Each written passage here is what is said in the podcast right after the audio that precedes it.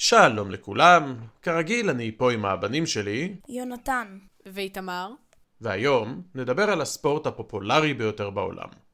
מיליארדי אנשים צופים בו באופן קבוע, הוא מייצר רווח שנתי של כ-400 מיליארד דולר, והוא אחד מענפי הספורט שמעוררים הכי הרבה רגש בקרב מעריציו. אנחנו מדברים כמובן על כדור נוצה. סתם, אנחנו מדברים על כדורגל. כדורגל. לפני שנתחיל, נזכיר למאזינים ולמאזינות שלנו את ערוץ היוטיוב שלנו, הסקרנים פודקאסט. אליו אנחנו מעלים מעת לעת את הפרקים שהקלטנו גם בפורמט סרט, למי שמעוניין גם לצפות ולא רק להאזין. אז פתיח קצר, ומתחילים.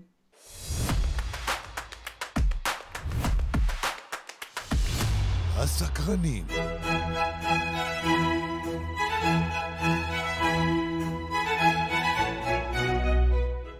הסיפור של הכדורגל המודרני, זה שאנחנו מכירים, מתחיל באנגליה של המאה ה-19. כלומר, לפני כ-200 שנים פחות או יותר. שם, בתקופה הזו, התחילו לנסח חוקים שיאפשרו לקבוצות שונות לשחק אחת עם השנייה. אבל מקורות המשחק ממש לא התחילו באנגליה ב-1830. רוצים לנחש איפה ומתי שיחקו בפעם הראשונה סוג של כדורגל? באפריקה? אז באופן רשמי, משחק הכדור הסיני צ'יו-ג'י הוא האבא של הכדורגל.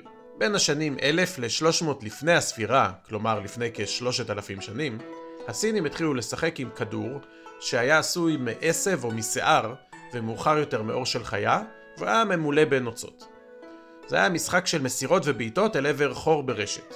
האגדה מספרת שהכל התחיל כשהקיסר wu לינג מממלכת ג'או יצא עם חבריו לצוד ארנבות. כשהם זיהו קבוצת ארנבות בעשב הגבוה, נתן מו לינג הוראה לתפוס אותן בחיים ולא לירות בהן בחצים. החיילים ניסו נואשות לתפוס את הארנבות שהחלו לקפוץ ולרוץ בין רגלי הסוסים והאנשים עד שכולן ברחו. אחד מיוצאי הקיסר הציע לשחזר את האירוע בארמון כמעין משחק ציד בו הכדור מחליף את הארנבת. וכך הם עשו. באותה התקופה במרכז יבשת אמריקה, בממלכת בני המאיה, שיחקו פוקטוק, שזה משחק בו שתי קבוצות יריבות מנסות לקלוע כדור באמצעות המרפקים, הברכיים והמותניים בלבד, מבעד לטבעת אבן שנחצבה בקירות הגבוהים שנבנו סביב המגרש. עכשיו, אם חשבתם שכדורגל מודרני הוא משחק שבו השחקנים ממש רוצים לנצח, אז לא ראיתם משחק פוקטוק מימיכם. הסיבה המרכזית היא שבסוף המשחק, שלעיתים נמשך אפילו שבועיים עם הפסקות מנוחה, הקבוצה המפסידה הייתה מוקרבת לאלים, ראשי השחקנים נערפו והלבבות שלהם נעקרו בטקס מרהיב. מה אתה אומר איתמר? לרשום אותך לחוג פוקטוק? פחות בשבילי. ביוון העתיקה שיחקו באפיסקירוס, משחק בו שתי קבוצות מתמסרות בכדור בעזרת הרגליים והידיים בניסיון להעבירו מעבר לקו האחורי של הקבוצה היריבה. הרומאים אימצו את הרעיון, אבל במקום להעביר את הכדור מעבר לקו הקבוצה השנייה, מטרת משחק ההרפסטום הייתה להשאיר את הכדור בחצי המגרש שלך. במשך מאות שנים, בעוד ועוד מקומות בעולם, שיחקו משחקי כדור עם חוקים שונים. באנגליה וצפון צרפת במאה ה-13 שיחקו משחק שנקרא סאול בצרפתית, או מואב פוטבול באנגלית, שזה בתרגום חופשי כדורגל כנופיות או כדורגל אספסוף. הקבוצות היו ממש גדולות, לפעמים עם עשרות משתתפים בכל קבוצה, השתמשו גם ברגליים וגם בידיים. לא היו ממש חוקים והמשחק הפך מהר מאוד פשוט לקטטה המונית. בתחילת המאה ה-19, בסביבות 1830, המשחק אומץ על ידי אוניברסיטאות באנגליה בתור דרך גם לשמור על הכושר, אבל גם ללמד את הסטודנטים משמעת וקבוצתיות. עם התקדמות המהפכה התעשייתית וסלילת פסי רכבת, קבוצות מאוניברסיטאות שונות החלו לקיים משחקים האחת עם השנייה. הבעיה הייתה שבגלל שלא היו חוקים ברורים, חלק מהקבוצות שיחקו בעיקר עם בעיטות, חלק שיחקו גם עם הידיים. בקיצור, בלאגן לא קטן. אז היו כל מיני פתרונות, כמו לשחק מחצית אחת עם הידיים ואת השנייה בלי, או מחצית אחת עם הכדור של קבוצה אחת ואז הכדור של השנייה וכולי. ואז ב-1857 בעיר שפילד מוקם מועדון הכדורגל הראשון שלא שייך לאוניברסיטה. הם כתבו לעצמם מערכת חוקים שמזכירה מאוד את חוקי הכדורגל של ימינו. עוד מועדונים הוקמו בשנים הבאות, ועוד חוקים נכתבו. עד שלבסוף, ב-1871, חובבי המשחק שכלל ידיים התפצלו, והקימו את ליגת הרגבי העצמאית. רגבי זה משחק שנורא מזכיר פוטבול אמריקאי, כי מחזיקים את הכדור בידיים. נקבע שמשחקי הכדורגל יארכו 90 דקות, 11 שחקנים בכל קבוצה, ואפילו קבעו בפעם הראשונה שיהיה שוער, מה שלא קרה לפני זה. אז ב-1872 התקיים המשחק הראשון בין אנגליה לסקוטלנד. רוצים לנחש באיזה תוצאה הוא הסתיים? 0-0. תיקו אפס. בגלל שבשנים האלו אנגליה הייתה סוג של אימפריה עם מושבות במקומות שונים בעולם, משחק הכדורגל החל להתפשט ברחבי הגלובוס, בהודו, בדרום ומרכז אמריקה ובשאר אירופה והמזרח. ב-1902, משחק גורלי בין ארגנטינה לאורוגוואי מסתיים בתוצאה 6-0 לטובת ארגנטינה, בעוד שאוסטריה ניצחה את הונגריה 5-0 באותה שנה. שנתיים מאוחר יותר הוקמה ההתאגדות הבינלאומית לעמותות כדורגל, או בשמה המוכר יותר, פיפ"א. בהתחלה רק שבע מדינות היו חברות, אבל עם הזמן עוד ועוד הצטרפו. ב-1908 כדורגל הפך למשחק רשמי באולימפיאדה, והנבחרת האנגלית זכתה במדליית הזהב הראשונה. 20 שנים אחר כך פיפ"א הכריזה על אליפות עולם רשמית מטעמה, מה שאנחנו מכנים המונדיאל, שהתקיים בכל ארבע שנים. בגלל שהזוכה האחרונה בזהב האולימפי הייתה אורוגוואי, הם זכו לארח את המונדיאל הראשון בשנת 1930. אבל בגלל המרחק, רק ארבע מדינות אירופאיות הגיעו לתחרות. את המונדיאל הבא קיימו באיטליה תחת שלטונו של הפשיסט וידידו של היטלר, בניטו מוסוליני. זה היה המונדיאל הראשון ששודר בשידור חי ברדיו. אורוגוואי שעדיין כעסה, לא הגיע כאות מחאה. במונדיאל של 1950 ברזיל ואורוגוואי מגיעות לגמר, אבל אין זוכה בודדת כי המשחק נגמר בסוג של תיקו טכני. באיצטדיון אגב, היו בפעם הראשונה כ-200 אלף צופים. מטורף.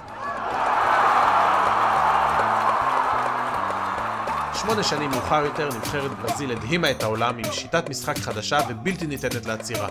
שחקן צעיר שהיה אנונימי ולא מוכר מחוץ לברזיל, עלה לשחק עם פציעה והדהים את העולם ביכולות שלו. הוא הפך לשחקן המפורסם בעולם. קראו לו פלא. ב-1969 שתי מדינות במרכז אמריקה, אל סלבדור והונדורס, התמודדו על המקום במונדיאל הבא. היריבות לקחו את עניין הכדורגל כל כך ברצינות, שקרה משהו חסר תקדים. ניחוש? שילבו את הקבוצות. אז בעקבות היריבות הספורטיבית, פרצה מלחמה. קרבות התחוללו בין הצבאות של שתי המדינות ונהרגו כשלושת אלפים איש. לא ציפיתי לזה. מה לעזאזל? זוכרים שבקיץ הקודם ביקרנו בעיר האיטלקית נפולי? כן. זוכרים שהעיר הייתה צבועה כולה בכחול ובכל מקום היו תמונות של שחקן כדורגל? כן. זוכרים מי זה היה? מרדונה. אז שנות ה-80 של המאה הקודמת בהחלט היו שייכות לשחקן אחד. מי שכינה את עצמו האלוהים, 165 סנטימטרים של אנרגיה וכישרון, הארגנטינאי דייגו ארמנדו מרדונה, שהוביל את קבוצת הכדורגל הבינונית של נפולי לאליפות הראשונה שלה.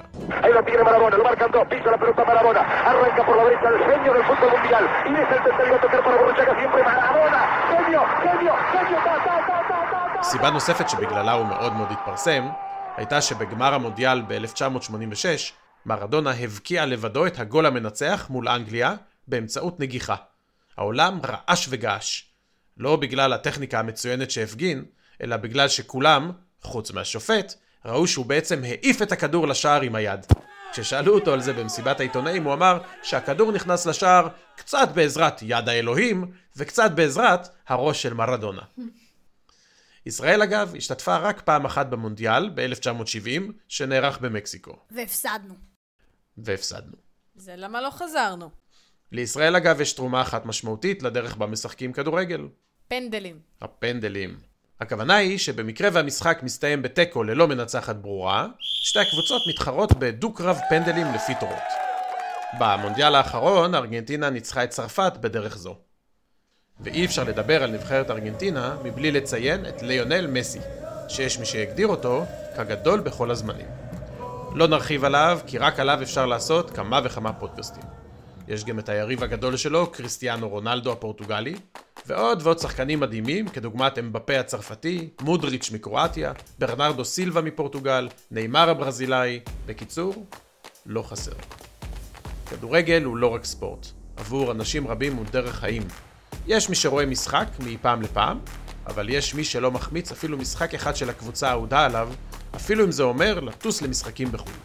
יש מי שמקעקעים על גופם את סמל הקבוצה, או את הפנים של השחקן האהוב עליהם, ויש אוהדים שלא ילבשו לעולם בגדים בצבע מסוים, רק כי זה הצבע של המדים של הקבוצה היריבה. אי אפשר לסיים מבלי לציין שחקני על נוספים בהיסטוריה של המשחק, כמו ההונגרי פרנץ פושקש, יוהאן קרויף ופרנץ בקנבאואר הגרמנים, ג'ורג' בסט ודייוויד בקה מאנגליה, ועוד ועוד ועוד. אנשים כדוגמת אלו שהזכרנו היום, עיצבו את אופי המשחק והפכו אותו למשהו. כל כמה זמן מופיע איזה שחקן חדש שמדהים את העולם ביכולות האתלטיות שלו, הזריזות, העוצמה או החוכמה בה הוא משחק את המשחק, שהופך את הספורט ליותר ויותר פופולרי. אוקיי, אז עד כאן להיום. נזכיר למאזינים ולמאזינות שלנו לעשות לנו לייק ו sub ולהמליץ לחברים, בני משפחה, במקרה ונהנתם, ואתם חושבים שהתוכן שלנו כיפי ומעניין. אז אה, תודה לכולם, ביי. ביי. שלום לכולם.